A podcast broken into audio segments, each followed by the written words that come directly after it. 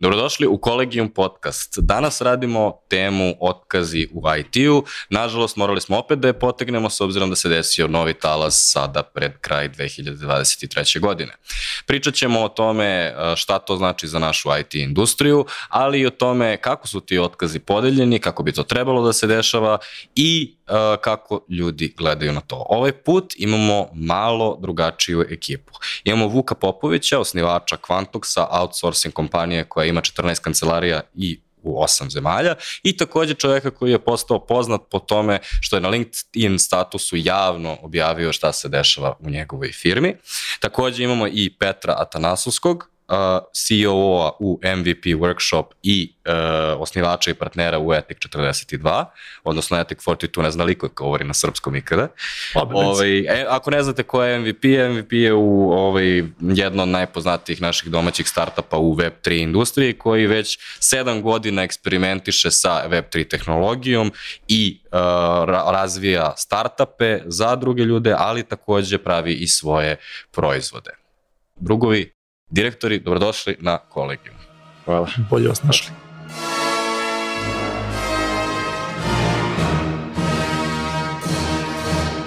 Podsekretar za pitanja, Nemanja Čermirović, odgovara na sva vaša pitanja, sluša YouTube, sluša TikTok, sluša Instagrame i svuda gde nam pišete.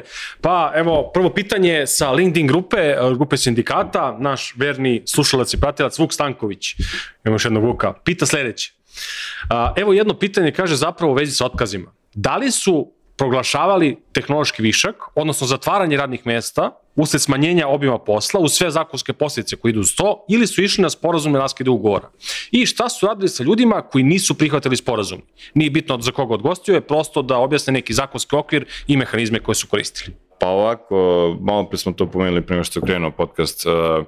Mi smo podelili, da tako kažem, to je malo ružno zvuči, ali morali smo da damo neki stotinak otkaza, a, ako, ako, kako se već najavio, onda već znate svi da smo imali izuzetno dugu klupu, izuzetno puno meseci, da nas je to izuzetno puno koštalo.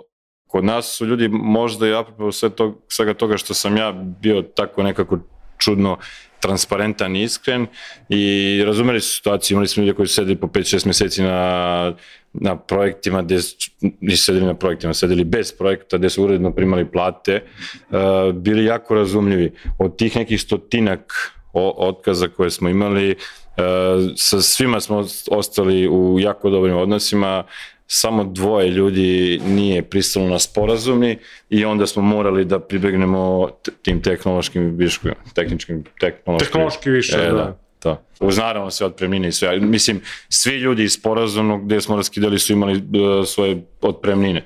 Ne znam, mi posebno više zemalja, kako ste rekli, ne znam, Makedonije je to dva meseca otkaznog roka, u Crnoj Gori je, su imali slučajevi sa da su odlazili, odlazili sa tri plata, ali to je tako zavisno od zakona. Zakonski i od zemlje, da. da. U našoj zemlji, ovaj, pošto sam se kostao sa advokatom, je e, za svaku godinu radnog da, staža da. dobijaš da. pola plate. Znači, ako sam Mislim u Žiški da šest godina... trećina zapravo. Možda sam, možda sam pogrešno ja zapamtio, ali ja sam zapamtio da ako sam u Žiški šest godina, to znači da dobijam tri plate, navršenih šest. Da. Ove, I onda je to u stvari najveća razlika. Ostalo je e, samo baš gomila administracija. I imaš pravo na biro u tom slučaju. Znači, ukoliko e, to je si... nešto što recimo mi nismo znali, e, kad se to dešavalo, jer te nikad nismo otpuštali, uvek smo zapošljavali, oni kad smo otpuštali nekoga, to je bilo uglavnom su ljudi sami davali otkaze, prelazili u druge firme, odlazili iz zemlje, td. Kad smo nekog otpuštali, to je vrlo, vrlo redko bilo i onda nismo imali iskustva. Ali smo, kad smo morali, jel te, onda smo videli ono da je to jako šta sve ima iza. Bilo, šta sve ima, onda smo naučili i tu stranu medalje. Šta se radi? Šta ti da dodaš za, za biro, ko ne zna možda da, da pa objasnimo? Pa mislim da, da ako, ako potpišeš sporazum i raskid ugovora, nemaš pravo na... A šta to znači za, za zaposlenu? Šta njemu znači biro? Pa imaš ono naknadu sa biroa ono, u periodu nekom ono koji možeš da koristiš dok ne nađeš drugi posao, a, s tim da prosto mislim da u IT industriji to ljudi ja, niti da to, gledaju niti traže. Mislim da, da to nije... Da, u tom to jeste nije... absurd koji, u koji upadaju svi, ovi, svi ove diskusije, zato što recimo jedna od stvari koja takođe biro ti pokriva ove, zdravstveno, ali većina ljudi u Ima IT privatno, sektor ima privatno zdravstvo. Mm. I to je ogromna ovaj, onda raskorak gde, mi, gde ti imaš zakon koji je napravljen ipak da štiti nešto što je pre 30 godina bilo jedno veliko preduzeće i da u njemu ne bude otkaza, ali nije prilagođen zaista IT industriji gde je realnost da se dešava da ono, imaš fluktuaciju u demandu za svojim uslugama 50% gore dole kao naši zakoni su napravili za ekonomiju koja ne funkcioniše tako. I generalno za ljude koji toj onoj ekonomiji i ne rade. A zato je IT toliko čudan kada se ove stvari dese. Da. Reče Vuk da ima više iskustva, jel ti imaš manje ili slično iskustvo, jeste imali vi situaciju da ste morali da dajete otkaze? Mi imali smo, da, imali smo situaciju, uglavnom sve su to bili sporazumni otkazi, nismo imali, dakle, drugačiji neki vid Kad sam rekao više iskustva, veru, pošto znamo odakle dolazi, znam da, da nije bilo toliko koliko da, nas, da. drugačije biznis, da je, jel, tako da su imali manje ljudi. Drugačije je i skala i... I jeste, skalabilnost je drugačija, zato, da, zato znam da imam više iskustva samo zbog toga što je bilo više ljudi u pitanju. Znači, bili sve sporazumni, nije bilo problema, niko nije tu sad nešto tražio mimo onoga što zakon nudi i pruža. Mi se čak nismo ni vodili time, sad kažem Aha. šta zakon nudi i pruža, prosto, ajde, mislim, davanje otkaza nikad ne može da bude pozitivna stvar, ali ono što bar može da učiniš to je da ga napraviš što je ljudski moguće. Pa što ljudski je jedan aspekt, drugi aspekt je da bude što manje iznenađenje. Mm -hmm. Znaš, ovaj, I sad mi imamo tu neku politiku radikalne transparentnosti kod nas, gde kažemo, ok, ono, bilo koja informacija ti je dostupna i ti u svakom trenutku znaš i kako firma posluje i šta se dešava u bilo kom aspektu, da kažemo, ono, poslovanja, tako da šta god da se dešava i pozitivno i negativno, ovaj, bez obzira koja ti je uloga, ti, ti si svestan toga ili možeš da budeš svestan ukoliko te to ovaj, zanima. Tako da, kažem, malo drugačije u takvom okruženju onda kada ti u svakom trenutku znaš, mislim, to nosi svoje pozitivne i negativne strane, ono, ljudi se možda previše opterećuju nekim situacijama koje nisu toliko krizne, a s druge strane kada ti najđe neka krizna situacija, onda prosto su nekako da kažem i pripremljeni i prolazili su s tobom taj ceo put. To isto zavisi od broja ljudi. Hmm. Ja mogu da ispričati jednu anegdotu gdje mi stvarno se trudimo da budemo transparentni. Znači, i mi, naravno kažem, kome može svako dođe, svako imaju, mi imamo sve ovaj komunikacijni sistem i td. Znači, i ja sam poznan kao neko ko odgovara svakome, bukvalno. Imali smo jedan grupni sastanak cijela firma, znači nas skoro, ne znam, 500, 600, 500, nemam pojma koliko u tom trenutku. I odgovaramo na sve, pričamo s ljudima i onda te niko ništa ne pita. I onda se nađe jedan kolega i kaže, e pa gde, rekao kolega, mi smo to poslali uredno u tom i tom i tom e-mailu. Kao, pa ja nisam čitao mail. Rekao, dobro, kolega, samo se nadamo da barem čitate mailove od klijenaca.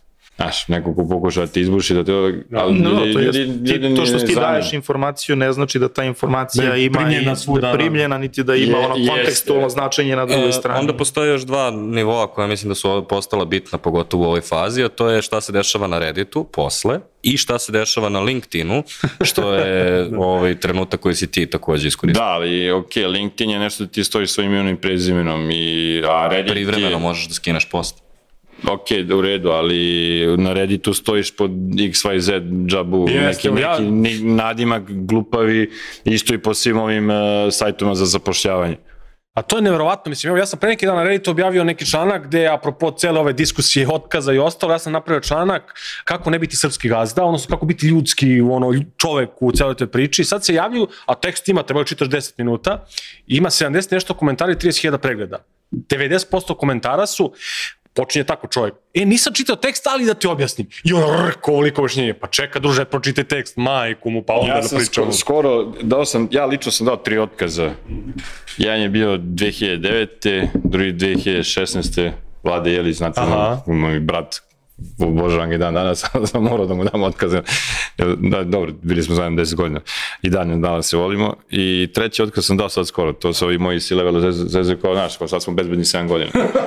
A, čovjek koji, kog sam zaposlio, ne pričam povijek, ne pričam ništa, koji nas je toliko zeznan, koji nas je koštao nekih brat, bratu 2 miliona eura zato što smo mu predali da vodi nešto, jedan, jedan deo našeg posla, je Kad sam mu saopštio otkaz, rekao, e, ali mora ti dam jedan savjet.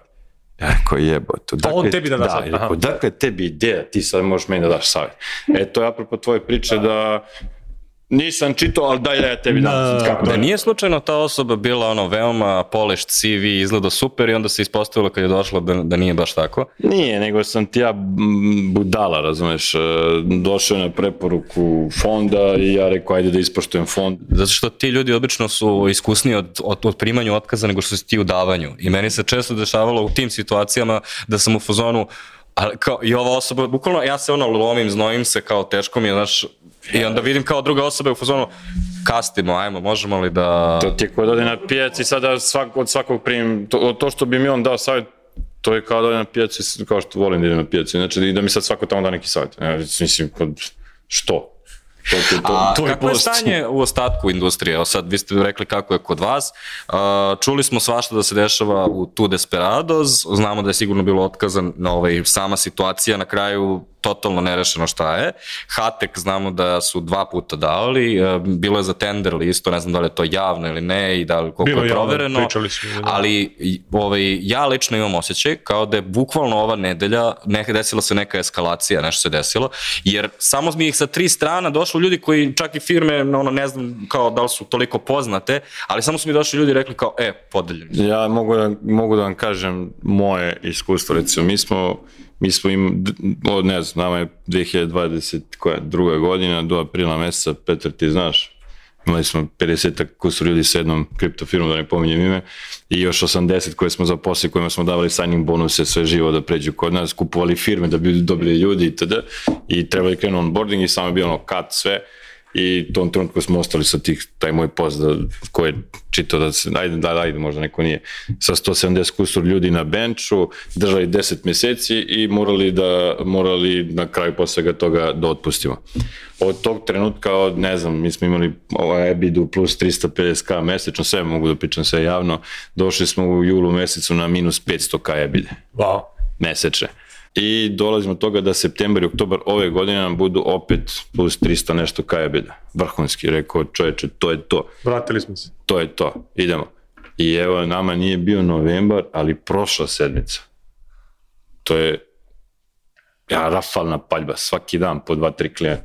Sad sećam imamo puno manjih klijenata, pa to nije sad nešto, ali to je udarac, ne znam. Ja mislim da postoji neki, ja sam čvrsto Ali, ubeđen da, da, izvini, nisam završio. Sad se setih, pošto je bio dug uvod u ovo što sam teo da kažem. Kod nas šta se desilo? To su neki start-upovi projekti koji su, da prostite, izduvali za budžete, i oni znaju da nemaju budžet 24. i oni su nama bukvalno 30. novembra dali Ćao. cancellation do kraja godine. Ćao.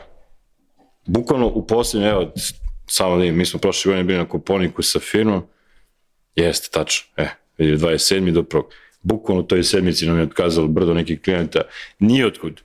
Sve super, svi zadovoljni, do, ali kao nemamo. Gdje smo mi ponudili, ok, ajmo da vam damo ono na odloženo plaćanje, da vas kreditiramo, da smanjimo fakture neko vreme, šta god, da pokušamo da zadržimo i te klijente, samim i te ljude, jer više sebi ne možemo da dozvolimo da držimo ljude na klupi, jer jednostavno smo, nema gde, mislim, sve gde smo mogli da uzmemo novac da se pozajmimo, mi smo se pozajmili, više nema, jebi. Mislim da ti Tako ovde da- u ovom biznisu kada radiš sa klijentima osjećaš vrlo stanje tržišta opet kroz klijente i u pozitivnom i negativnom smislu. Nama u pozitivnom smislu znači da ti kroz to možda prepoznaješ trendove kad su ono upfront ovaj trendovi i da vidiš gde se dešava neka primena ovaj tehnologije i tako dalje i tako dalje. Ali u negativnom smislu ovo što kaže Vuk, znači mi smo imali situacije gde imaš ogromna ona potraživanja koja ti postaju pitanje da li ćeš ih ikada naplatiti, ovaj, sve su to normalno globalni ovaj, da klijenti. i onda ono, na papiru imaš neki posao, ali u praksi on ne može da ti ono, E, održi, vrhunska cash flow, da, ne, ne može da ti održi ono, tvoj biznis, s druge strane ono, imaš klijente koji izlaze iz biznisa, koji pokušavaju da pivotiraju, ono, stavljaju on hold neke, neke svoje projekte, čiji si ti deo, tako da Ali mislim da nije outsourcing jedini, da kažeš, tu na udor, evo, videli smo Spotify juče, 25% ljudi ili tako koliko već otišlo. E, Mislim, ali da to, je, to je zanimljivo, ovo što je Vuk rekao ide kao zaraza kroz industriju.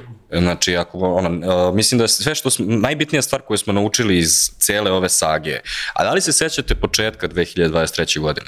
Ja se sećam, tada sam postavio na LinkedIn pitanje, da li će ovaj talas otkaza koji se dešava u Microsoftu, Amazonu, Apple-u, u Americi, da li će to da utiče na nas?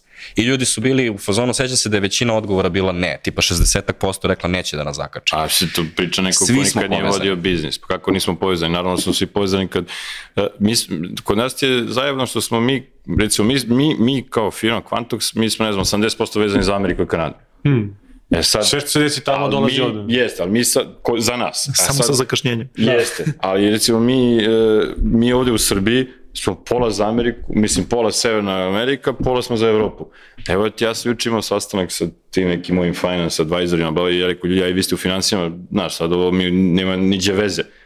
Znam da svi očekuju dve, po, se, ono, quarter 3, 4, 2024, ok, ali evo mi smo krenuli sve super i vuf, I oni kažu, ljudi, Nemačka je usporila, samim tim ove zemlje istočnog bloka koje su u Evropskoj uniji, ne znam, Češka, Slovačka, Zavisi, Slovenija, da. sve to ide dole, ali oni vuku ekonomiju.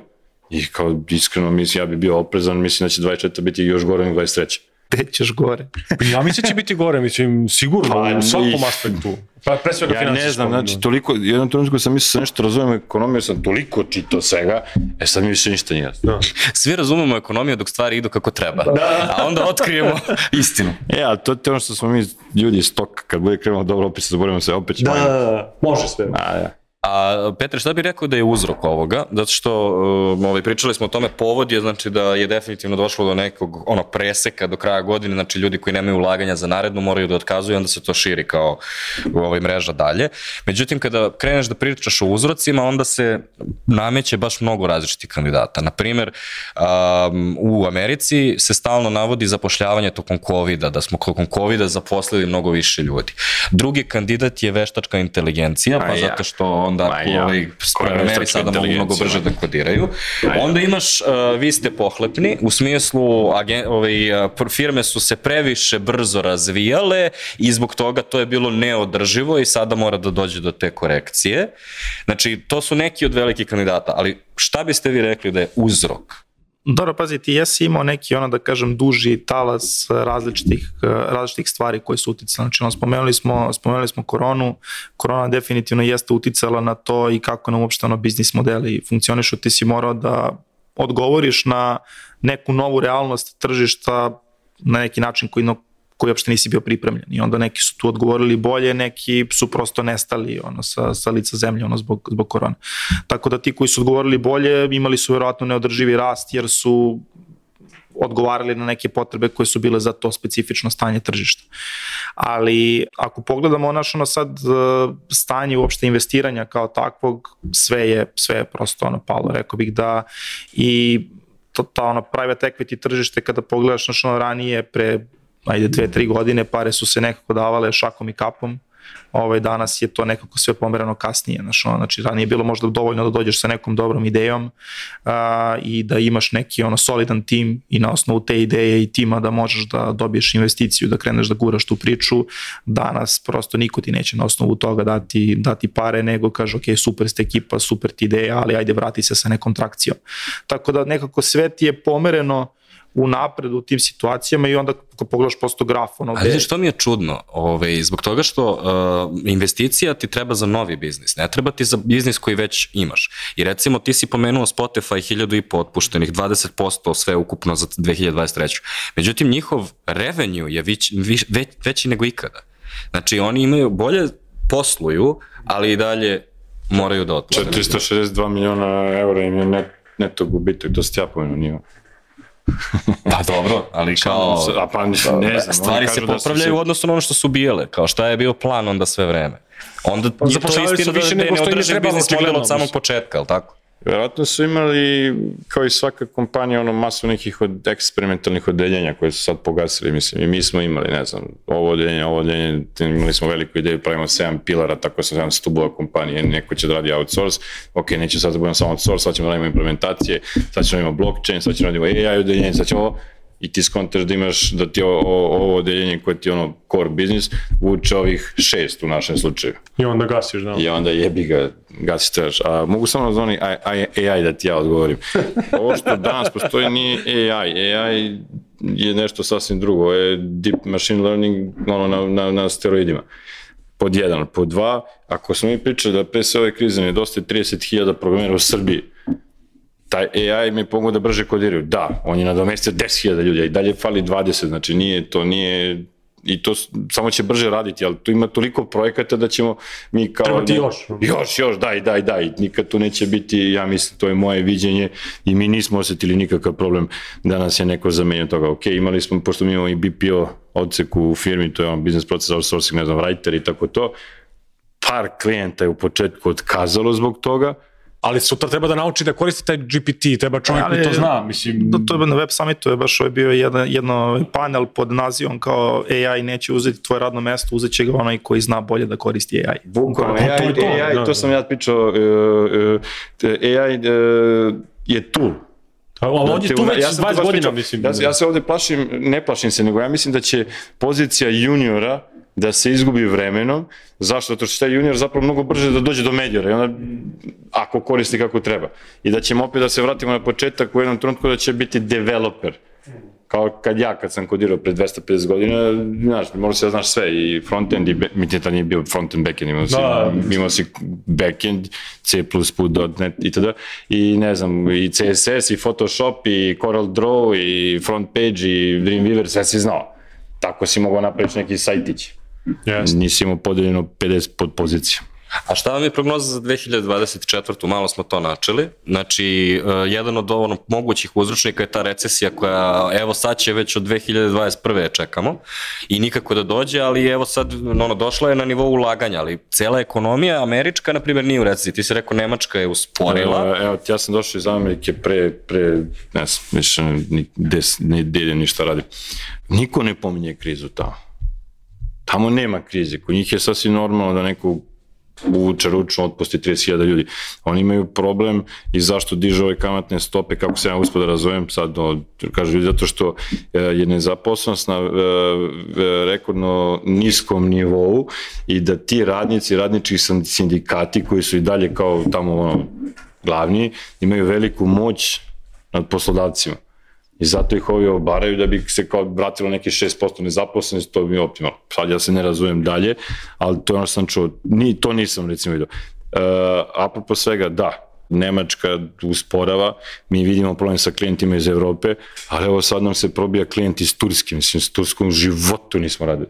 Evo sad imamo klijente iz Turske koji ono, za, ne pita koliko i plaćaju top cene. Znači top, top cene, ono, malte Ja bih rekao da smo ovaj, iz moje perspektive udarili neko ono dno ovaj, i da odavde mora da ide na gore. Zašto kaže mora? Zato što sledeće... Na Na gore, na bolje. na, na gore, Gazi, kao, gazi. Pazi, budi sad Ljudi slušaju, mislio je na bolje. posle. Nemoj na gore, bruda, molim te.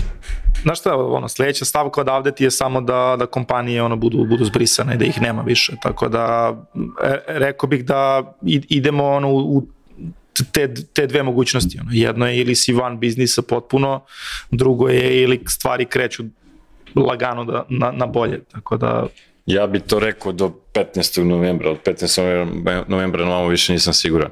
Ša, a, mislim, šalim se, ne šalim se, imali smo te udarce, ali ja sam i dalje, ja, mislim da se razumemo. Programeri nisu u problemu. Svako ko je dobio otkaz, svako je našo posao. Nije sad nestala potreba za programerima.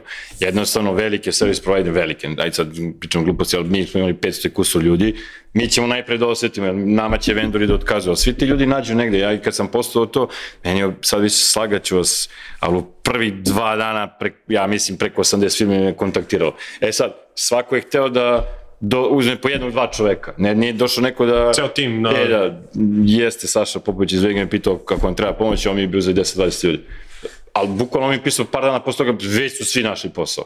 E, Ja sam evo postavio na LinkedInu ovaj, uh, jedan poll, pošto nisam ni u IT industriji, verovatno ovaj, nisam pretrano reprezentativan, ali zanimljivo mi je bilo 7% je reklo dobilo je otkaz, a 5% je rekao dobilo, dobio sam otkaz i već sam našao novi posao. Znači, ono, baš A nije redko.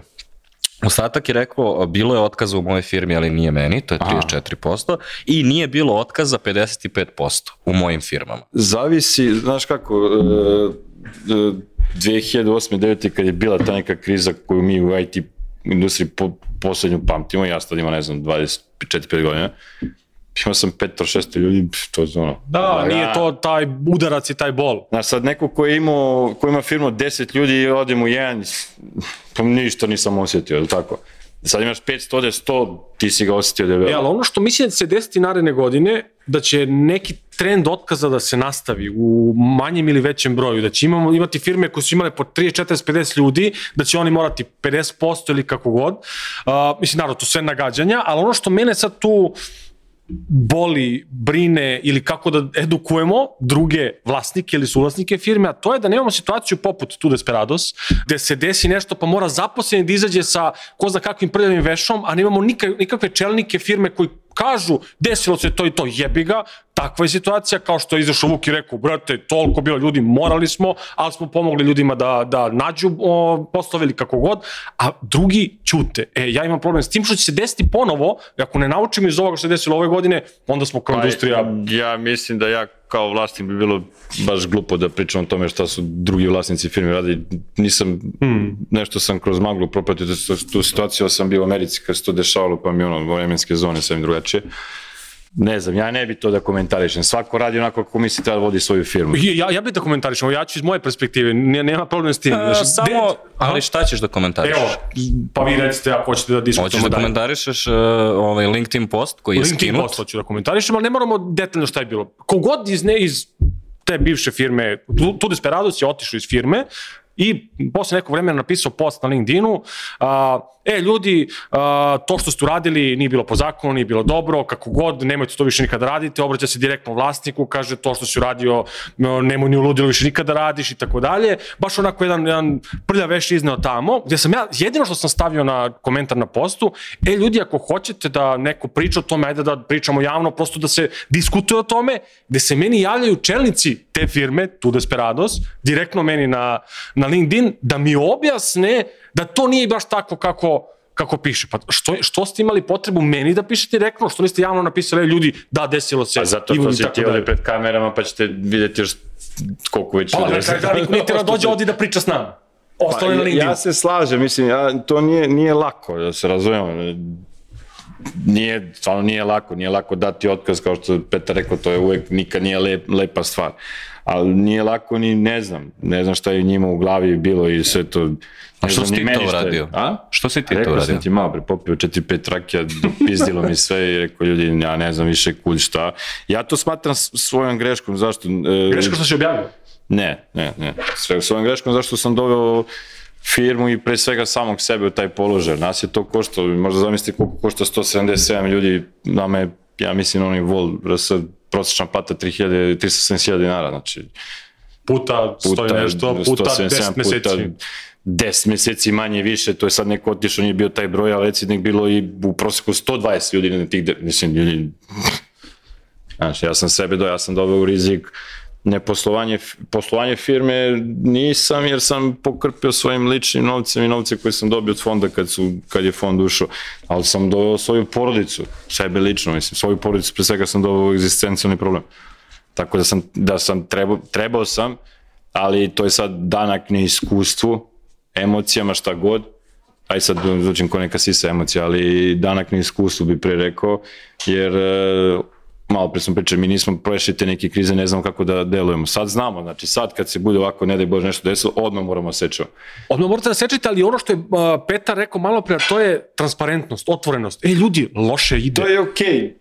Ti sečeš i daš čoveku mesec dana otkazni rok da on ima vremena da se Tako snađe. je. A ovako, ovako smo možda i mi nismo bili fair prema tim ljudima. Jesmo njima dali, ne znam, 5-6 plata nekim određenim problemima, ali isto tako si ga držao na izvestnosti pet meseci, on pet meseci nema projekat, kao pet meseci nema ništa, okej, nisam ja veverica, znam ja da svi odu da rade, dodatno. dodatno, naravno, to je super, o, to je lepota ovog našeg posla i lepota remota i svega da možeš tako da radiš, tako, super.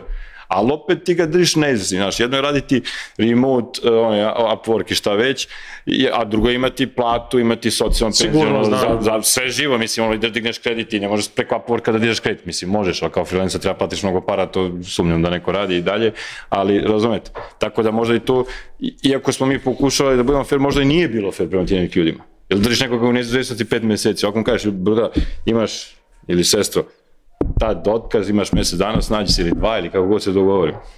Petre, ovaj, on je popio rakije i morao da progovori o tome i volelo ga lično, a šta je tebe teralo da dođeš u ovaj podcast? A nisam došao u podcast zbog rakije. ja, ja što ti govoriš javno o Pa, Čedomirović me zvao, pripretio mi. Ovaj, pa smo- mislim da je, mislim da, svi mislim da, je, mislim da je bitna tema, ono, koliko god da, kažem, nije, nije prijatna, a, na kraju dana, ono, je- je- jedna je perspektiva kada mi pričamo o ovoj nekoj našoj ulozi i našoj skali operacija, i sad kao vodim, vodimo firmu i razmišljamo o svim tim ljudima i svim tim porodicama, svim tim platama koje treba isplatiti, ali na kraju dana potpuno je druga ona perspektiva kada taj zaposleni treba da ode ono kući i da nahrani tu svoju porodicu i da kaže ono su, suprugu ili supruzi ovaj, o čemu se radi i kada razmišljaju o svojoj egzistenciji i tako dalje i tako dalje. I sad kao, ok, jeste pozitivna stvar što se pričamo o IT industriji, pa ovaj, ljudi će relativno lako naći posao, mada ne pričamo samo o programerima i to da se razumemo, znači ni, Da, nisu, Mnogo samo, šire, da. nisu samo profil ovaj, programeri, dakle tu imaju i neke ovaj, druge, druge branše koje će teže ovaj, prosto, prosto ovaj, do, doći, do, doći Nije do ti novih baš poruka. neophodan rekruter ako nikoga ne Ako rekrutuješ. Pa nije, mi pušta smo shvatili rekrutment tim, HR tim, Oh, marketing administracije, marketing, PR, mislim, mi smo u jednom trenutku imali 75 ljudi u back office-u, kako mi to zovemo, sad imamo, bili smo na Koponiku neki ono, retreat par dana, taj širi manager back office, 45. Skoro duplo. Ovaj, mislim da sad ono iz moje perspektive da ako pričamo o pojedinačnom ovaj, ono slučaju, dakle nije samo stanje industrije kao takvo. Mi smo ušli u jednu ono vrlo eksperimentalnu priču građenja tog ono venture builder modela i za venture builder model ne postoji sad da kažeš to je copy-paste ovako funkcioniše. Znači ne postoji sad da uzmeš i kažeš e, ja ću ovo da implementiram i to sigurno radi sa tim brojkama i tako dalje, nego ti moraš da probaš jednu, drugu, treću, petu stvari, iteriraš i pronalaziš se sa tim šta to može u Srbiji da funkcioniše. I tu je, mislim, taj moment transparentnosti, dakle, ja sam ono seo sa svojom ekipom u oktobru i rekao, gledaj ljudi, takva i takva stvar, mi možemo sigurno do nove godine ovako da funkcionišemo, od nove godine ćemo vrlo verovatno morati da menjamo model.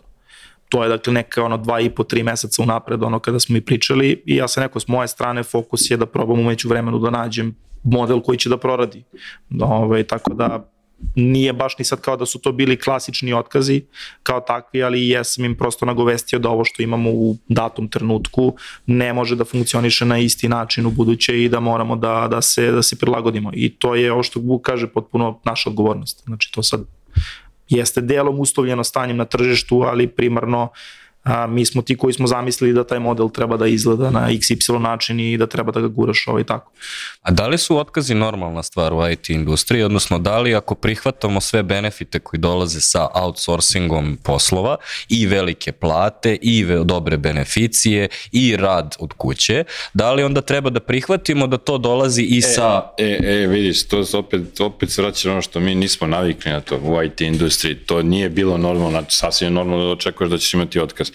Ali evo recimo pričam sa Filipom sad na Komponiku i on kao, ako su ljudi mislili da smo se mi nešto sprdali, da smo samo mi, znaš, uvijek je kriv management, taj neki management kao sedi tamo nekde gore, znaš, i to. Ko mapetovci. Je, je, ako mape to bukvalno. I kao, ako su ljudi u januaru, kad smo imali, u februaru, kad smo imali te neke prve otkazčiće, nismo posle u martu, aprilu smo imali ono, neki jači talas, ako su tad misli da smo mi krivi, da smo mi zajebali, valjda im je sad jasno da, da je Svuda. problem, znači da nismo samo mi kao mi sjebali bi- biznis, mi sjebali firmu, mi radili pogrešno, nego tako jednostavno. Ali ima, ima jedna druga stvar, recimo teorija da e, je problem u srp, srpskoj firmi, da je srpski gazda problem i da su naši naši biznis modeli pogrešni i onda se obično navodi primjer Hrvatske koja ima daleko više proizvodnih startapa. Šta misliš o tome? Ma, mislim da to nema veze sve. Nema, Prvo mislim- nije istina, ja znam, mi smo početkom godine jurili targete da kupujemo firme po, po, od tog novca koje smo dobili od, ovog, od fonda. Nije istina, ja znam firme koje su mi se nudile nudile su nam se firme, neću, ne znam, neću da imenujem, ali to su firme reda veličine od 50 do 150 ljudi, outsource, koje su se nudile, koje su koje su nadmeno pričale s nama o saradnji pre toga, onda su preko tih savjetnika nam se nudile za put zašto. Ali naravno se nismo odlučili da kupujemo, jer on kao kad je kriza treba da kupuješ, možda nekretnine i to, ali u našem slučaju ti kupuješ problem, a ti si u problemu, sad ti još jedan problem. Tako da neka, nek se oporavi pa ćemo platiti bolju cenu. Ja sam istražio inače Ivana Brezana Brkana iz Betokracije Hrvatske sam pitao o ovoj teoriji i on mi je rekao kao ne, isto je kriza kod isto. A isto znaš je, znaš šta je stvar, samo što oni imaju, oni imaju veće, zašto imaju više proizvodnih startupa? Zato što imaju veći pristup fondovima, zato što je Europska unija i to menja priču. I Tako BRD, je. znaš, ne pa je, startupi samo od svojih para. Ali ono što, ne, što moramo da naviknemo, da su otkazi normalna stvar, ali da nisu problem otkazi, problem je kako se daju otkazi. Znači kako komuniciramo, kada komuniciramo, da izađe Vuk ispred 500 ljudi i kaže jebi ga problem je, izađe Petar, izađemo ti ja pred 50 naših ljudi, ali ljudi to ne rade. Da li nisu naučeni, nisu nisu imali iskustva. E, ajde, čekaj, još jedna stvar. Vuče, ti si izašao i već si javno pričao o ovome. Kako je bilo? Jel, jel bi to uradio opet? pa vidiš da radim sad. Pa, ti si više kao onako, znaš, ti si sad već to uradio, Da, sad, mora, sad je bolje da se objasniš do kraja. Ali kao, da li bi preporučio Petru pre nego što bi Pa, mislim, Mirović ali mislim da nema potrebe da se izlazi javno. Ja sam tad izašao javno da sam osjećao potrebu, ja je, jebi ga takav sam, no, ubit ćete tako Ne, ne pričam ja javno, nego interno. Ali... Izađe interno, interno ispred ljude. Pa to, ali to, ti- ne to rade treba svako da radi, to je valjda, to se Pa ne rade, pa potpisujem ti ne rade. Znam. Pa to je već sad, ja to ne znam, kućno ja, ja vaspitanje, to imam problem s tim. Znaš, znam da nisu navikli ljudi, mnogo je teško dati nekom otkaz, e, stvarno meni je bar nenormalno teško, ali to je valjda normalno da ti interno iskomuniciraš. Ja sam iskomunicirao javno zato što sam samo želeo na neki način nešto pomognem i to sam dobio savjet odličan da ne imenujem od koga, od velike naše firme, hvala mu na tome do neba, neću imenovati sad nebitno, ali to sam dobio savjet pa sam ga onda obličio na neki svoj način ali sam dobio savjet, dobio sam zapravo primjer kako je to neki, nek, neko uradio, neki vlasnik neke poljske firme još pre par godina i onda sam ja to obličio neki svoj način sa ne, ono, svojim nekim začinima i td. Final touch i ta, to uradio. to, to jeste teško. Mislim, ja prvi otkaz kad sam davao pre par godina, na kraju dana ne znam da li sam ja njemu dao otkaz ili sam mu se zahvaljivao, mislim, ni- nismo znali ošte na čemu smo, ali to mora se prebrodi, mislim, mo- Znaš, moramo... znaš, znaš, sam ponosan, malo pre dok smo sedeli, pre nego, dok smo čekali da krene sve ovo, mi je stigla još jedna poruka, znaš, dobio sam otkaz, hvala ti na sve ono što si radio, znam da devet mjeseci nisam imao projekat, eto. neki moj prijatelj iz košarke, je bi ga, čuo sam ga dok sam mogao, isto još jednog iz Ćuprije pre, pre neki dan. A, ja čuvam te poruke, imam preko 30 poruka sigurno tih stotina, koji su meni lično se ljudi zahvalili, hvala, sve razumemo. Jebi ga, da. Jebi ga, to je koštalo nas mnogo para, nenormalno. Niko ti neće, ono, neće reći hvala, rekli su i hvala i zahvalni su. Uh, proći će sve ovo, znaš. Opet treba, ja ne, ja ne planim, ja nemam gde, ja nemam kud. Znači, svi mogu da odu iz firme, ja nemam kud, ja što sam pričali hipoteke, sve, sve, sve meni na moje lično ime. Ja moram da ostanem ovdje do kraja, pa bio pukovnik ili pokojnik, znači te, te dve što si ti rekao, to si ti rekao, ili ćemo da nestanemo, ili ćemo da, to je to. Ja moram da sam do kraja. Kad se završi sve ovo, kad krene sve, mi smo krenuli već da zapošljavamo. E sad, problem je, problem je što mi smo imali billboarde po gradu i sa samo smo krenuli da se dižemo. I sad imamo otvornih pozicija preko 30, ali je problem što su tehnologije nisu iste. Mi smo mahom bili PHP, frontend itd. I sad su nam klijenti drugačiji, svi hoće Java, do, .NET, implementacije radimo. Nekako se shifte kompanije. Sad te ljude ne možemo da Da, ne ti- da pre- ne možeš ti sa da. PHP na .NET, to je skroz drugi mentalitet, jel tako? Uh, proći je sve to, treba da ostanemo tu, treba se pogledamo u, u oči i treba ponovno zapošljavamo ljude. Uh, mi time smo se vodili, da trebamo zadržimo reputaciju koliko god je moguće. Sad, je nam dobro? Nije, smo preživjeli i dalje mnogo klimamo, ne znam šta, nemam prognozu za 24, više, ne, ne, više ništa nisam se usudim da kažem. Znamo da radi, mislim, puno pregovora imamo, nenormalno, više nego ikada pregovaramo s ljudima i to sad može da eksplodira, to može sad bude da se vidimo sledeći ponedjeljak, ja kažem, a do jaja sve. Hmm. Ne znam, ali mnogo se sporo dolazi do zatvaranja dilova, svi su mnogo oprezni. To je, ko što si rekao za, za ovo, nekad si mogao kao, ej, ideja, ono, aj si, aj si još, je, evo ti 10 miliona. E sad klinac. Petar, hajde se vratimo na tu internu komunikaciju. Kako se ovo objavljuje? Jedna stvar koju si rekao, koju bih samo ponovio je, postoji ta transparentnost u komunikaciji kada problem kreće da se dešava. Ti si rekao imate transparentno financije ljudi znaju u kojem stanju firma, tako da ovo ne dolazi kao samo od nebuha u smislu ne znate ništa i sad smo u problemu i morat ćemo da delimo otkaze, tako da već postoji neka priprema, ali šta se onda dešava kada... Dobro, da, imaš, mislim, ja sam imao jednom trenutku all hands gde sam pričao ljudima generalno o a, pre nego što udarila, dakle, jača, ono da kažem, kriza. Pričao sam o toj viziji, ono kako nam izgleda zapravo ekosistem i sve ovaj, firme tu. I ja sam rekao, ono, nakon ovog hands očekujem da dođe deo ljudi i kaže, ja se ne vidim u ome, pošto je poprilično ono, long term priča. Znači nije nešto za što možeš da očekuješ benefite da ćeš ih vidjeti za šest meseci. Ove, ovaj, a mogu da zamislim da neko dođe i kaže ovo je ono, fantastična stvar i ja ovde vidim sebe, hoću ovde penziju da očekam. Znači, znači mogu baš da zamislim ono dve krajnosti nakon toga. I zaista bilo je ono osoba koje su došle ovaj, i rekla ono žele više da se uključe, bilo je osoba i koje su došle i rekla mene ovo prosto ne vozi i ne Vidiš, to je zanimljivo, ti si onda praktično ovo predstavio kao pivot to čak nije ni bilo, to je bilo ono, s jedne strane reality check, ali sa druge strane rekao sam jako bitno da znamo koju igru mi igramo. Znaš, jer to, konkretno što sam naveo, ja kažem, mi pre 10 godina kada smo bili deo Devane, pošto je deo nas, ovaj, jel bio ovaj, i, tada, i tada zajedno, ja sećam ono bilo je kao imao si Nordeus, Microsoft i Devanu kao top poslodavce na nekoj tamo ono listi, nebitno koje, znaš, i onda si ti uvek ono pokušavao tu da se takmičiš i da budeš u toj grupi, šta Microsoft radi, šta Nordeus radi, da gradiš neku svoju kulturu i svoju priču. Ja sam rekao danas, šta god je ta lista, mi prosto ne možemo da se ponašamo kao te firme jer igramo neku skroz drugačiju igru. Znači mi ako smo ono venture builder, prosto ne možeš očekivati da ćeš parirati tim firmama skroz je drugačiji sport koji igraš. I nekako moramo da se stavimo u tu ulogu investitora i moramo da se stavimo u tu ulogu da mi gradimo dugoročno, ono, daješ danas vrednost za nešto što dugoročno tebi treba da se vrati i da se ono multiplicira, ali ne možemo pričati o tome kako danas mi ono imamo ovaj uslove kao kao ovaj neke od tih firmi na to na top listi. A Čedomiroviću, ti kada si podelio te otkaze koje si delio jednom, da li si to predstavio kao pivot ili si jednostavno predstavio kao situaciju i kao nemam rešenja, to je to? Da, mislim, bilo ovo drugo, šta je, šta je kontekst iza toga, mi kao neka agencija koja se bavi konsultingom za, za Agile project management, smo agilni ljudi po prirodi i zapošljavali smo te Scrum Mastere, Product Ownere. U nekom trenutku se nama učinilo kao, evo, ovo nam super ide, kao tu ima nekih 15 ljudi, ajde otvorimo mi pilar, kao što ti kažeš, ali koji će se baviti tim tradicionalnim waterfall project managementom, pa kao da imamo ljude, ljude tu.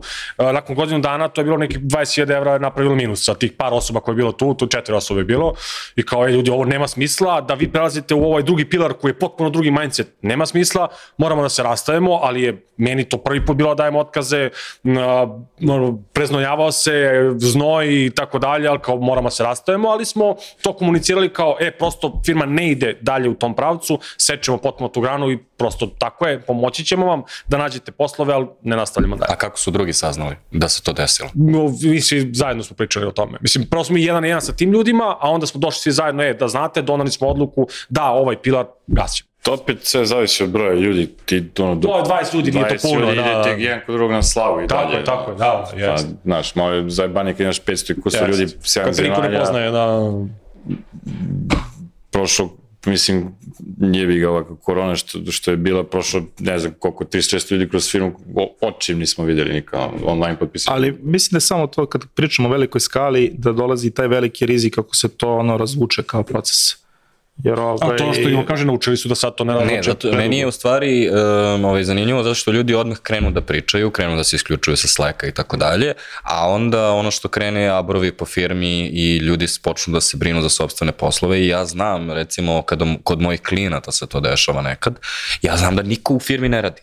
Svi ljudi samo sede i slušaju šta se desilo tamo, ko šta se desilo s ovim, ko je ovaj i da li ću ja. I sami si to traje dva meseca. A ponovo, je ponovo do komunikacije, evo, pošto mi radimo puno s klijentima, skoro u jednoj velikoj firmi ovde smo radili, uh, FMCG industrija, nije ni bitno, i mi držimo neki trening, ceo dan trening, ono, 20, ono, leadership 20 osoba, leadership osoba sedi u prostoriji, samo jednom ti vidiš da, da se prostorija izgubila i svi gledaju telefon. Rekao, dobro ljudi, ajde da ja smijem, šta se desilo? Kaže, nije smešno. Rekao, dobro, šta je bilo? Odlazi nam CEO.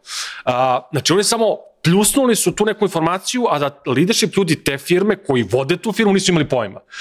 E, to je, sigurno sam moglo drugačije da se pripreme ti ljudi i tako dalje. apsolutno. I ja, ja sam protiv toga, protiv takvog načina. To, to nije način. Ti ljudi su tog dana, gotovo, čao su. Oni ne znaju da li sutra imaju posao. Nemaju posao. Šta se dešava? Nula pojena. komunikacija, mislim, to je sad opet ko, ko, ko, koliko su ti ljudi koji vode firmu, koji, koliko su oni, koji njima senioritet Hmm. i koliko oni imaju iskustva u tim situacijama. Ova firma od 2000 ljudi, tako da. To bi, to bi baš trebalo da imaju iskustva, mislim. Dobro, svega. sledeća stvar koja se dešava jeste kako se tačno uručuje taj otkaz i sad postoji ona, postoji zakonska obaveza, a to je moraš da uručiš lično ili depešom preporučeno, ali u realnosti pitanje je ko to radi, znači ne možeš da pošalješ mail, kao što je Elon Musk uradio kada je, kada je bilo u Twitteru, ali... Pa e, tamo možeš. da, u Americi možda i može. Ne, ne, u- da, kod nas ne možeš tako, ali pitanje je ono, da li je to zadatak HR-a, da li je to zadatak direktora, da li to zavisi, kao što smo rekli, od veličine kompanije. Zavisi kome uručuješ otkaz, ne može direktor veličine kompanije, ne može direktor da uruči otkaz, ne znam koja, ne, jedno fizički ne može da stigne. Kod nas je, mi imamo nekoliko tih koraka, sad ne, ne znam tačno, znači ima nas puno jevi ga i sad ne mogu sve u svaku sferu da zabodem svoj nos, a i ne, ne trudim se to da radim. Ali znam da radimo, mi radimo recimo exit intervjue sa svakim zaposlenim. Jer nam ta, taj da- data, data pomaže kasnije.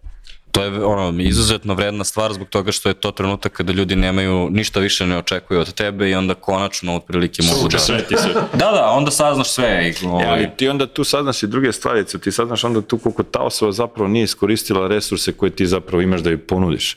da. Nama je skoro otišla jedna devojka iz Makedonije iz financija i gde je bila takva situacija s mene imao posle zove, rekao jeba, da li moguće da si ovo ispisalo, pa, a imaš direktan, o, imaš bukvalno samo Pa nikad nije otvorio Pa meni je glupo te pitam. Pa je, majka, i šta, šta sad ja da radim? Da. Da, sledeće, kad dođe, otvoriš, kažeš... Kao e, nisam brate, imala pristup računima u Srbiji, nisam znala da... Pa što me ispitao čoveče, koliko će da pita, ako ja ne mogu da kažem daj to, sve, ne, niko drugi ne može. Ti radiš sa mnom, a nekad tamo, ne znam, neko iz financija ti to nije dao. Što mi rekao. A to je često slučaj koji ja vidim i, i sa dobrim i lošim stvarima ljudi ne pitaju. Ne pitaj, naravno. E, ali to je sad bilo, meni je sad to super, sad kad smo zaposlili sledeće to za financije, rekao sam, slušaj, Pitaj sve. sve me pitaj, znači ako ti neko nešto ne da, odmah kod mene, znači nema, nema, nema tu žakanja, odmah kod mene, jer je bitno za kompaniju. Jer mi smo sad izgubili tu neku osobu koja je radila onboarding ne znam koliko meseci da je spremimo za neku veću poziciju, uh, radila sa našim advisorima iz inostranstva koji koštaju brdo para i tamo da preuzme, ona ode. Ali, da vas pitam još jednu stvar. HR ili direktni nadređeni? Direktni nadređeni. Direktni nadređen. Za otkaz. Za otkaz. Ko uručuje otkaz?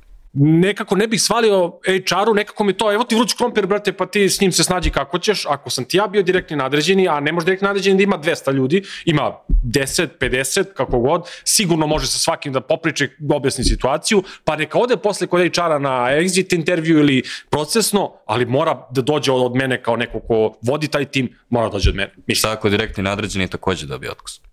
O jebo ga, sad ti dađeš, de, de me ti me Da, sad, opet se vraćamo na veličinu. izvini, ali ja kompanije. sam u stvari, nisam izmislio. Dobro. Ja sam samo se setio šta, šta je screenshotovi sa Reddita neki da. koji si rekao tamo. Zato što recimo, je, ovaj, ono, imamo recimo jedna stvar koja je meni bila dosta ružna, koju smo videli na Redditu i neću reći koja je kompanija, zato što ne možeš da znaš šta je istina ako je na Redditu. Ali tamo kaže uh, ja i neko drugi ćemo se postarati da više nikada ne radiš u ovoj industriji, ali potpisano je kao team leader. Nije direktor kompanije i ti ne znaš da li je ta osoba samostalno odlučila da napiše to ili joj je neko iz C-levela to naredio i koliko su svi ostali ok sa time.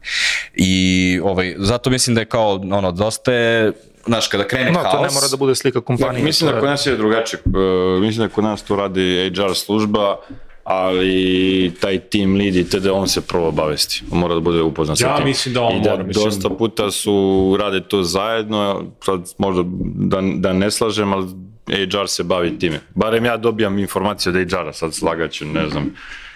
Teško je da to uradi. Šta koja osoba ne može da da otkaz? Mene ne može nateraš, meni mora mnogo da prekipi. Sad mi neko tamo naredi da ja dam nekom otkaz. Neću. I šta šta onda? Ko će mu da otkaz? CEO. A ti si ovo, majke ti. Pa ko će drugi? Da, to je taj trenutak, e, E, HR. mislim da je to taj trenutak koji ti i ja uvek imamo. Možda zbog broja ljudi, šta? Da, broj ljudi je jedna od stvari, ali ne samo to, nego zato što nama prija da radimo u firmi u kojoj se tako radi. I to je ono što smo skontali u jednom trenutku, kao to ti je vrednost male firme, ali takođe ograničenje male firme je da nikad neće napraviti milione i ovaj, neće, nećemo završiti u biznis pričama ti. To mi je okej. Ne moram da Ovaj, završim ali, tamo. A, kao, ali to je to. Ono, Imaš se u biznisu. ja sam isto u fazonu kao meni je da pogledam nekoga u oči i tako dalje. Pa i jeste, bilo je i kod nas tako, da se razumemo. 2012. sam, recimo, Filip je sad CEO i partner itd. Filip je bio prvi programer kog smo zaposlili. 2012. sam bio i HR i rekruter, to sam ja radio lično i HR, i, mislim, to je isti, tad je to bio i jedna funkcija, nije postao rek, rekruter, regruter, kako se već Da. kaže, nego je HR radio sve to. I čistačica sam bio i kuvarica, sve živo sam bio, znaš, sad kako rasteš, onda se to...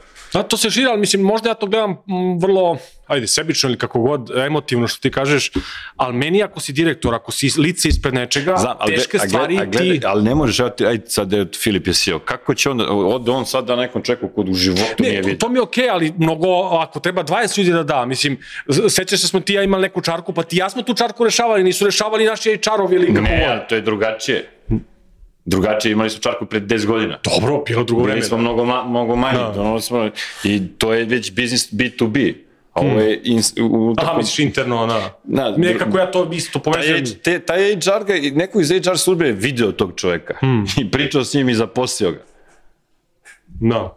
Mnogo je različito zato što da bi mogao da skaliraš biznis, ti moraš da zapošljavaš na taj način da nekada ne vidiš te ljude. Znaš koliko je meni glupo, recimo, prođem kroz firmu i sad ja, ono, ja inače sam u ceo život radim remote, od kući. I sad ovo meni, ovo, remote, meni to normalno stanje, ja kad radim u kancelariju, ovo mi je sad svečano delo, ja ne podnosim, malo sam pitao ženu, mogu da idem ja u trenerci, ona kao, aj ne glupire se, obuci, obuci svoje Misliš ovako? sve, sve, svečano. Ali, koliko puta prođem, a koliko mi se bude dešavalo kao je čao Vuk, kao, kao brat, upoznamo se peti put. Ja, I onda samo prolazim, čao, čao, više ne, ne, ne, ne, ne, ne znaš ljude, ne možeš da znaš, puno ljudi. Neki dođu jedan put se zadese u kancelariji, pogotovo sad mi imamo, ne znam, četiri sprata tamo, ne znam da li ima 15-20 ljudi na svih četiri sprata, i to svuda u svakom čošku po jedan. Sad neke znaš, većinu ne znaš, ne poznaješ ih i da su svi tu ne možeš da upoznaš sa, mi imamo u Srbiji šest gradova, mislim ja pojem, nemaš trika da se upoznaš sa svima. Kad je team building, onda samo čao, čao, je, gde si, šta je, da, vi- nisam vidio čovjeka u životu. A on ima osjećaj da te poznaje jer te vidi negde, nešto, znaš, na kosi. Hmm. Tako, I sad ti treba dođemo i kažeš, e, brate, dobio si otkaz, kako mislim? Pa nismo dušmani. Ovaj, jedna stvar koja ljude dosta boli ovde jeste šta je fair. I onda kada krenu da pričaju o tome šta je fair u ovoj situaciji, obično se uzme zakon. I sad ja sam, uputio bih sve koji žele da znaju više o zakonu, postoji odli- odlična netokracija podcast sa advokaticom koja objašnjava šta su sve prava. Međutim, prava su nažalost dosta dosadna, u smislu kao ti otprilike imaš 16 dana koliko moraš da najaviš i to u stvari možeš i za 8 ako si rešio pravilnik o sistematizaciji rada, što sam siguran da niko od vas nema pojma da postoji. Apsolutno, Da. mi to imamo. E, pa dobro, da, nemamo, nekako imamo ste morali. i sve. moraju Onda vi možete, znači za 8 samo okačite na oglasnu tablu Da, to. i... Šta, ovaj, ovo stavu da neko dobije otkaz? a? Da, da. Znači, da pro, tačnije, nisam siguran, nije da neko je dobio otkaz, nego da da proglašavaš- proglašavaš tehnološki višak. Mi da, pa mi moramo to, mi smo obe, Svi smo obavezi. revizije. Da. Jedino što je problem u tome što kada pitaš zaista zaposlene da li su ikad pogledali šta piše na oglasnoj tabli, ja mislim da 99% nije. mail, na. Ali mail se ne priznaje po zakonu. Ali sve ovo je u stvari mnogo manje, manje bitno, ja bih rekao, zbog toga što kada uđeš u to šta je po zakonu, ti u stvari ono, zabodeš se u tu gomilu administracije i ono što je dosta bitno jeste šta se dešava sa birovom, što smo u jednom trenutku pričali, i otpremnine. Sad, ovaj, da li je trećina, da li je uh, trećina plate po godini staža ili je polovina, ne sjećam se. Ali mislim da ovde dolazi većina od te kontraverze. Zbog toga što godine staža su problem jer u IT-u nemaš ljude koji su tu 10 godina obično i firme su dosta mlade i onda je pitanje recimo kada si ti pomenuo početkom 2023. ljudi su tada pričali o tome da dobi, ono, možeš da očekuješ da ćeš dobiti 3, 4, 5 plata kao otpremninu u slučaju da si tehnološki višak. Sada na kraju 2023. postoji mnogo manje budžeta za sve, pa onda postoji i mnogo manje budžeta za te otpremnine. Samo je pitanje kako vi posmatrate šta je fair. Fair je ono što je po zakonu. Mislim, Ali ste, ste stvarno postavili to sebi kao benchmark? Pošto ti si, ti si na primjer, na kraju svog LinkedIn posta napisao mi ćemo pokušati da nađemo ljudima posao, javite mi Je- se u ime. je- Je li to po zakonu? Neophodno. Pa nije, ali a, a, da, ali ako je neko imao, ko je dobio otkaz, bio je ispoštovan po zakonu. Naravno da ni, ne, mo- mislim, u problemu smo, ne može sad ako neko treba da dobije ne znam koliko otpremninu, x mi mu damo x, y, z. Mislim, voleo bih, ali... Ja mislim da kad ono, kad, kad Zavis- dođeš u situaciju da gledaš zakon, onda uopšte ovaj, tu, tu već ono, stvari nisu fair. Znači, zato što ti ono prosto, bilo koja strana, znači kada, kada gleda. A, jer sve ovo što pričamo i ono, Vukov LinkedIn post i ono, bilo koja preporuka i kontekst na kraju dana da daš ljudima, verovatno nigde ne leži u zakonu. Znači, ono, sad kad pričamo o Reddit postojima, ono, ljudi kažu a, dobio sam otkaz, a, nije mi ništa jasno. Kako, kako može se desiti da dobiješ otkaz i da, ti, ne, da nemaš nikakav kontekst? Ono, ka, kako je to E, onda pa to se otkaz? dešava, to je- A, to- to je mene to, boli, To je taj moment, ono kao, znaš, znači da ti zapravo, ili ono još gore, mislim, vratio se čovjek sa bolovanja, I ima i toga. ovaj, ili, mislim, ono, žena Ili s porodinskog i tako da. dalje, i onda kao, pa dobro, ne može na bolovanju, mislim da nema, ima, nema, ima. Verujem, Ovaj, dešava. Ja nisam siguran isto mislim da zakonski ne može ako si na bolovanju da dobiješ otkaz. Ok, A, ajde, ne, ajde, ne, ne možeš, ne možeš. U tom trenutku, ali možeš kad se vratiš. Kad se vratiš, vratiš, možeš, čekate otkaz, mislim. To, da, da li je to fair?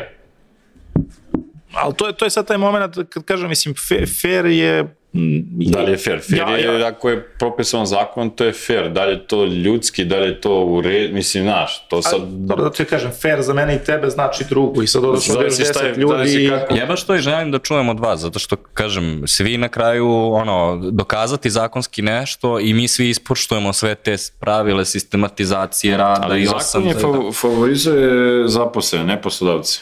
A i to mnogo. Ali, kažem, šta, šta ste vi sebi Znaš, postavili zato kao? kad priča sa, da je jako klijen, bitno kad priča sa klijentima iz Amerike, oni se ču, kao će to firme, oni se čude koliko je zakon in favor za, za zaposlene, ne za poslodavce. ja bih ono rekao da je kontekst uvek bitan, znači to je sad taj moment da da prosto otvoreno popričaš sa nekim, ono, ne, ne samo, znači, jednosmerna, jednosmerna, ono, dvosmerna komunikacija i da znaš prosto ono, faktore koji su doveli do toga. A, ja sam im, to ono što sam rekao, mislim, otkaz nikad ne može bude prijatna stvar. Čak i ako pričamo, ne znam, i ono, performans otkazu ili bilo šta, prosto nikada nije, znači, prijatan razgovor. Ali imao sam situacije da mi ljudi dođu ono, nakon godinu, dve dana i kažu hvala ti zbog toga zato što otišla mi je karijera u nekom drugom pravcu. Ovaj, do duše, kažem, to sad nisu ovi otkazi o kojima danas pričamo, ali je, kažem, kontekst kao takav, ono, bitan kada radite sa nekim. Mislim da najmanje što treba da se uradi da se ispoštuje zakon. Da je to minimum, To je- da ne smiješ da zakineš na zakon, mislim, to je onda Upravo, da. protiv zakonito. Mi to Pa to, to moraš, natrat ćete država ili ćete neko tužiti, ali... Pa ne, ali znaš šta, neće. neće da Ljudi te tuži znaju. kad oni Ne znaju, potpišu da. i ne znaju. Ne znam šta su potpisali, da. Jeste, a mi sad, mi stvarno nismo mogli da se igramo. Ja uvijek pričam, ljudi, sve po PS-u moramo da radimo. Znači, ja sam imao, ne znam, sećate, li- sećate se naravno prelaska sa ugovora na paušala na ugovor o radu. Ja, mi smo dve, dve i po godine sam bio pod istragom, ni kriv ni dužan, i to mi je ono, tek mi je to bilo stresno. Nama su zvali programere u policijsku stanicu Čačak, pozvao neku devojku i pit paušalci kao, aha, koliko ti je plata, ne znam, kaže 600 hiljada. Ha, koliko, koliko vraćaš Vuku u kešu? Onda kaže, ko je Vuk? Ne, ne zna meni, sad su oni napravili to, znaš, da nas zastraše, jer mi smo tad imali tu neku kritičnu masu, bili smo oko 200-250 ljudi, da je, svi su sad najavljivali, idemo, borimo se protiv vlade, rušimo, nema, mora, po... naravno ništa nije bilo. I tad sam prvi izašao na LinkedIn rekao sam kako bude, sve poštovano, samo da mi ne slali te inspekcije. Naravno, pocepali su me dve i po godine, to je katastrofa što su mi radili. I sad, zamisli sad kao ja tu nešto, jer kao ljudi, sve ste vi lepo smislili, znaš, moj kum se bavi građevinom, pravi zgrade, vi ste smislili, ja to dam nekome, on dođe, vrati mi u kešu, mi to pravimo zgrade, sve, full, idemo, ja ti imam 200 ljudi, kako vi mislite, ja mogu da verujem 200 ljudi, pa pozvaćete nekog, mislim, meni kad, mi- kad te poje se obraćaju, zaustavi ti se treseš, ne znači što se treseš, ali ako hoće nešto ti napiše, ti napiše. Sad zamisli ti da ove ozbiljne, ozbiljne stvari. I sad mi kao firma, šta god da radimo, sve mora po PS-u, pogotovo što sad imamo strane partnere, to tek mora po PS-u, znači mi sad plaćamo ono što ne mora se plaća. Samo da bi bio siguran. Pa ne vredi, mislim, tako da mislim da minimum Ne minimum, minimum zakonski mora da se ispoštuje sve što je zakonski, a sve ostalo je stvar dogovora. Opet rekao vam malo pre od stotina otkaza koje smo mi imali, dvoje samo je, nije bilo uh, Sporazum. sporazumno, dva puta smo mogli da radimo tehnološki višak, to je to. Jer neko kaže neću da primim otkaz i ti sad ne možeš ništa, mislim ne možeš ništa, ne možeš ništa, da to kažem, mnogo je zakon, ali ovi ljudi su imali razumevanje i rekao sam koliko sam preko 30 poruka imam sad čuveno, gde su ljudi zahvalili i razumeju i kao šta ćemo, taka je kakva je situacija. I ko ne da ti skopa oči, razumeju, stvarno smo se trudili da pričamo s ljudima i da dajemo te neke Efekat toga si vidi, ono, javno se vidi po tim redditima i tako Nisam vidio dalje. da su nas nešto mnogo pljuvali. Tako je. Naravno, uvek ti imaš A onih uvek 5% ima, koga će hejtera, biti. jebi ga, šta ne. Nisi jedini na svetu koga nisu pljuvali na Redditu, to sam Sve siguran. okej, mene sad rokaju već, već ne, Ne, dana, znam, ali... znam da jesu. Te smo ovaki, te smo neozbiljni, te neozbiljna si, ti čitaš i samo kao jebote. Ali hoću da kažem da, da mnogi koji to nisu tako imaju tu dvosmenu komunikaciju koju priča Petar, njih pljuju i treba da ih pljuju, zato što se ne ponašaju ljudski, zato što nisu fair, zato što ne ispoštuju ljude na taj ljudski moment, te ljudi takve situacije, ljudi će reći da razumemo, ali ako to ne kažu, onda će se dešavati javne Možda i linije. neće razumeti u datom Ili trenutku, neće možda razumeti, će ali biti će imati neku reakcije, informaciju, Ali to je ono, znaš, ti, ti si tu, ovo što kaže Vuk, da ostaneš, znaš, znači prosto Tako mi je. treba i ono za pet godina da da. radimo možda zajedno u nekoj drugoj priči ili kad se promene okolnosti i Mi tako smo dalje. radili kad si bio u Celsius, radili smo kad si bio u MVP-u i radit ćemo čim se ukaže prilika ponovo, verovatno. Ja nikad ono dupetom ne zatvaram vrata.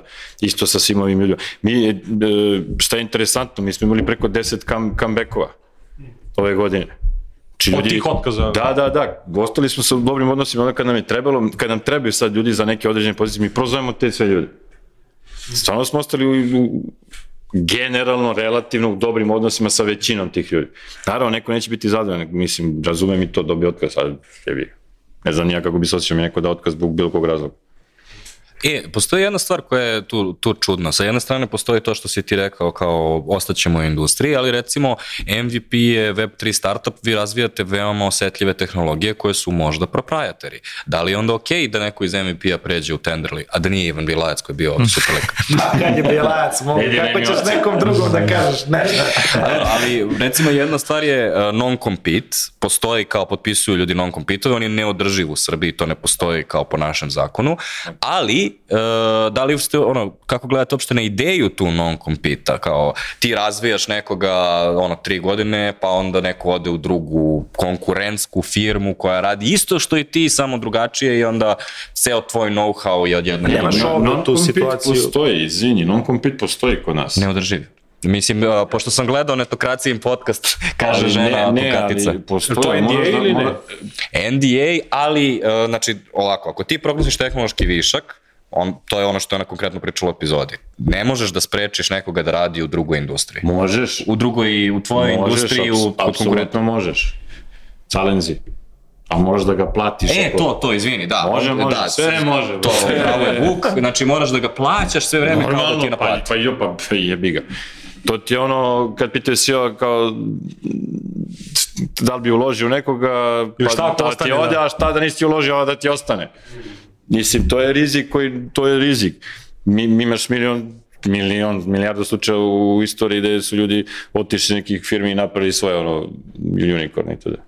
Mislim, ne milijardu, ali imaš. Iz Ima, nastale dve Srbiji, mislim, agencije. imaš primjer i Vega, jel tako, Vega je svojim određenim zaposlenima pomagala da naprave svoje firme, tako su nastale nekoliko ve- velike firme u Novom Sadu, mislim, je to super primjer. Pa jeste, verujem da su oni prepoznali, znaš kako ti super, imaš, možda vidiš da je dobar, da je ono, obećavajući i sad on znaš da će ti ovde, daj doložimo njega pa će imati procent od tog njega pa opet ćeš da profitira. Mislim da su oni tako, Tako radili je, tako je, tako je, tako je, da. Odlična stvar.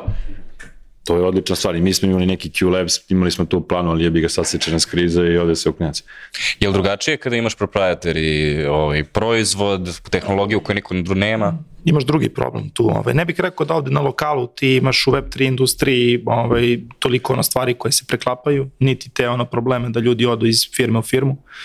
Imaš drugi problem, a to je kada školuješ nekoga ovaj, onda ti ono ode taj neko. Znači ti si investirao puno ovaj, u, u, u juniora i onda... To se ovaj, dešava imaš- svuda. Dešava, da, dešava se svuda, samo što rekao bih da u Web3 industriji ta skala ti je ono još ono veća u smislu da neko možda radi i za strance i, znaš, ljudi ne razmišljaju kod nas A Ljudi talent i dalje nemaju manje. svest o tome neto bruto, recimo, da krenemo od toga, znaš, no, jer mnogo, mnogo bolje bi bilo ono da kao u Americi, znaš, da dobiješ platu pa si samo onda dužan Radiš državi, šta da, da, da. da, ovaj, i onda imaš svest o tome kada dolazi pomoć države, da je ta pomoć zapravo iz tvog džepa i imaš svest o tome kada ovaj, se neki budžet tamo realocira, da je to zapravo ono da si ti zaradio pa dao nazad državi, ovde ne, znaš, ovde nemaš tu svest i onda normalno da kada se frljamo sa tim šta je neto, šta je bruto i št, da li ti treba uopšte zdravstveno ili ti ne treba zdravstveno ovaj, i da li ti neko dao laptop, nije dao laptop i koje još troškove ima za tebe i tako dalje.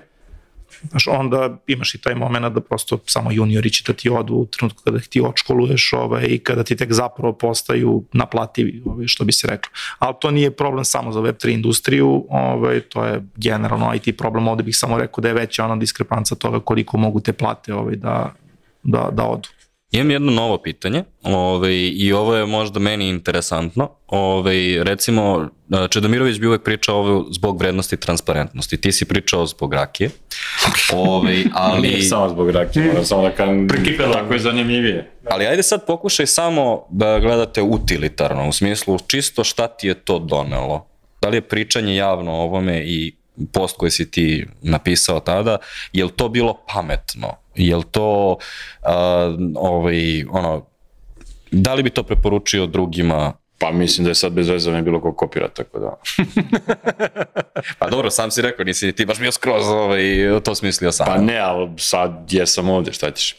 Mislim da ovde to već ono toliko upečatio, nisam znao da je baš toliko kao, kao što kada vi pričate, ali uh, mislim da ne, šta nam je donelo. Ja mislim da je nama to, iako u tom trenutku rekao vam, ne znam, sad ili pre, pre, pre podcasta, uh, kad sam to objavio, svi su mi ono iz levela, ona grupa, e, nemoj to, briši to, e, iz marketinga, nemoj to, nemoj da, a ja rekao, zajebi, i otišao spavao i sutra se budim i pjuf, viral. E, pa zbog njih i pitam, pošto su oni moji, ovaj, onda ja znam da oni odmah reaguju, nemoj ništa! Ne, pa to. E, i onda samo me zanima da pogledaš u kameru i kažeš da li mogu ja da kažem ne, ljudi treba da komuniciraju, to je dobro. Nije samo, nije samo ispravna stvar, što je mislim da Čedomirović želi da kaže, kao to je transparentno, pa toga treba, nego ja sad pričam čisto sa biznis strane, Da nam je donalo šta dobro.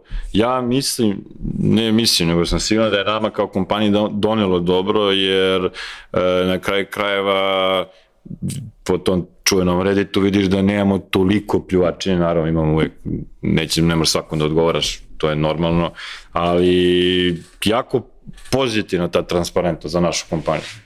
Održali smo koliko toliko neku reputaciju, ok, ljudi znaju, nije sjajno u Quantuxu, mislim nije sjajno, imaju problema, idu klijenti, dolaze novi, ali mislim da je okay, ni, nismo ništa uradili, prećutali, otpustili, kako ste već pominjali, to je ono, be, pa onda te pljuju sve živi. Tako da A verujem da recimo, kada ste objavili ovaj billboard koji ima Feniksa na sebi i kaže Da. ponovo zapošljavamo, Da. ja sam čuo dosta ljudi koji je bilo u fazonu, to je malo too much. E sad, to nisu bili ljudi koji su radili u Quantoxu ili ništa, ali kao šta je feedback koji si ti čuo kada, se to, kada ste to objavili? ja iskreno sam čuo samo pozitivan feedback, ali sad to je malo diskutabilno kad dolazi do mene. Što je malo too much? Ja sam, e, prvenstveno sam to radio zbog svog tima. Jer oni su propatili svo ovo vreme zajedno sa mnom. Znači, taj HR koji je radio najviše na svetu, u životu ikada i koji je imao stres neviđenja gdje su oni delili sve te otkaze, onda može misliti kako je bilo s nama. Znači, nama je to bilo, i to je de facto tako, tako sam se os- osetio, moja lična ideja, bili su i prvi billboardi pre dve, tri godine i ovo je bilo isto, ponovno započnemo, šta je problem? Da, problem je Feniks. U smislu Što? kao... Stigli smo se iz. Simbolizam, da. Pa ja, pa što, koji će drugi, ja teo sam da istetoviram Feniksa. ne znam, e, to daje poruku da, da, da smo krenuli da se oporavljamo. Opet kažem, septembar, oktobar, rekordno dobri meseci ikada u Quantuxu, fin, fina, ono, finansijski, novembar je krenulo, nije to sad da je sad o, propadam opet, ne. A, opet smo sad da će ovako, ne da će ovako, pa ovako, ali dobro, sad će biti ti Biće talas. Da. Biće talasa, uh, ne znam da li je tu mač. Ako se nekome ne sviđa, šta ću ja? nikad nisam nešto brinuo kom, kome se šta sviđa, se ne sviđa. Dobro. Ovaj, Da mislim, sam se brinuo, ne bi ni pričao sve što pričam.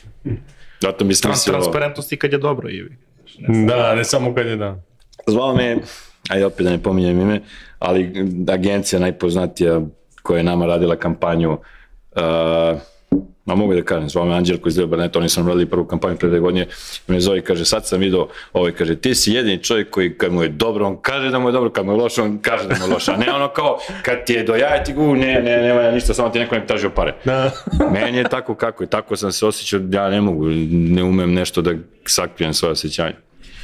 Petre, a, da li si pričao ovde zato što veruješ da treba ili zato što takođe misliš da je pametno i bit će dobro za MVP jatik?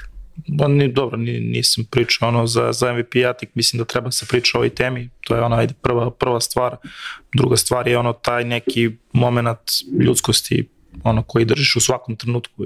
Ja kažem, ono, možemo mi nosimo različite šešire, ovaj, to je Ivan je u nekom trenutku ono kada je prelazio u Tenderli, ono prokomentarisao, znaš, mi smo sa tom ekipom radili svoje vremena u Devani, pa GoDaddy-u, pa MVP workshopu, pa su oni otišli u Tenderli i sad se to neko obrnuo krug, znaš, on ih je zaposlio tamo 2000, koje, 15. godine i mislim da to taj zapravo moment, ono, nije bitno koju ti titulu nosiš, ovaj, trenutno imaš ono, tu neku titulu i određenu odgovornost, ono, za 10 godina to može da bude drugačije, ono što ostaje iza tebe, to je kakav si ono bio čovek, znaš, ovaj, u svim tim situacijama ovaj, koje mogu biti lepe ili manje lepe, tako da ja kažem za sebe da verovatno naj teže bih mogao da se bavim prodajom, jer ne volim da ulepšavam stvari, ono, kažem ih onakve kakve jesu, ovaj, bile one lepe ili ne lepe, imamo tu interno no bullshit ono kulturu, već ono 10 plus godina ovaj, da se o svemu može otvoreno pričati, pa ja to tako prenosim i eksterno, znaš, i onda nemam neke ono tabu teme da kažem sad kao nemoj samo o tome, znaš. Čedomiroviću, dok se ovo sve dešavalo, odnosno talas otkaza koji je okinuo ovu epizodu, to je bio najaktivniji chat koji smo ikada imali, ono live, šta dolazi sa Reddita, šta dolaze screenshotovi, šta ljudi pišu na private i na inbox. Da li je ova epizoda za tebe ispunila to da se priča o ovome Pa mislim da jeste, mislim da su obojica bili vrlo, vrlo otvoreni, a ja, ja to volim. A, volim da pokažem da može drugačije, da ne mora da se ima ne znam koja titula, što ti kažeš, ili što kaže nije bitno koju imam titulu, kao da je da radimo posao. Mislim da jeste iz te perspektive, ali ja nikad um, koliko god bila ova dobra epizoda, neću stati da se borim protiv šustera, ja to tako zovem, protiv šusterisanja u biznisu, protiv ljudi koji bi da se hvale kad je dobro, a kad je loše, kao nisam ja kriv, opere ruke ide dalje.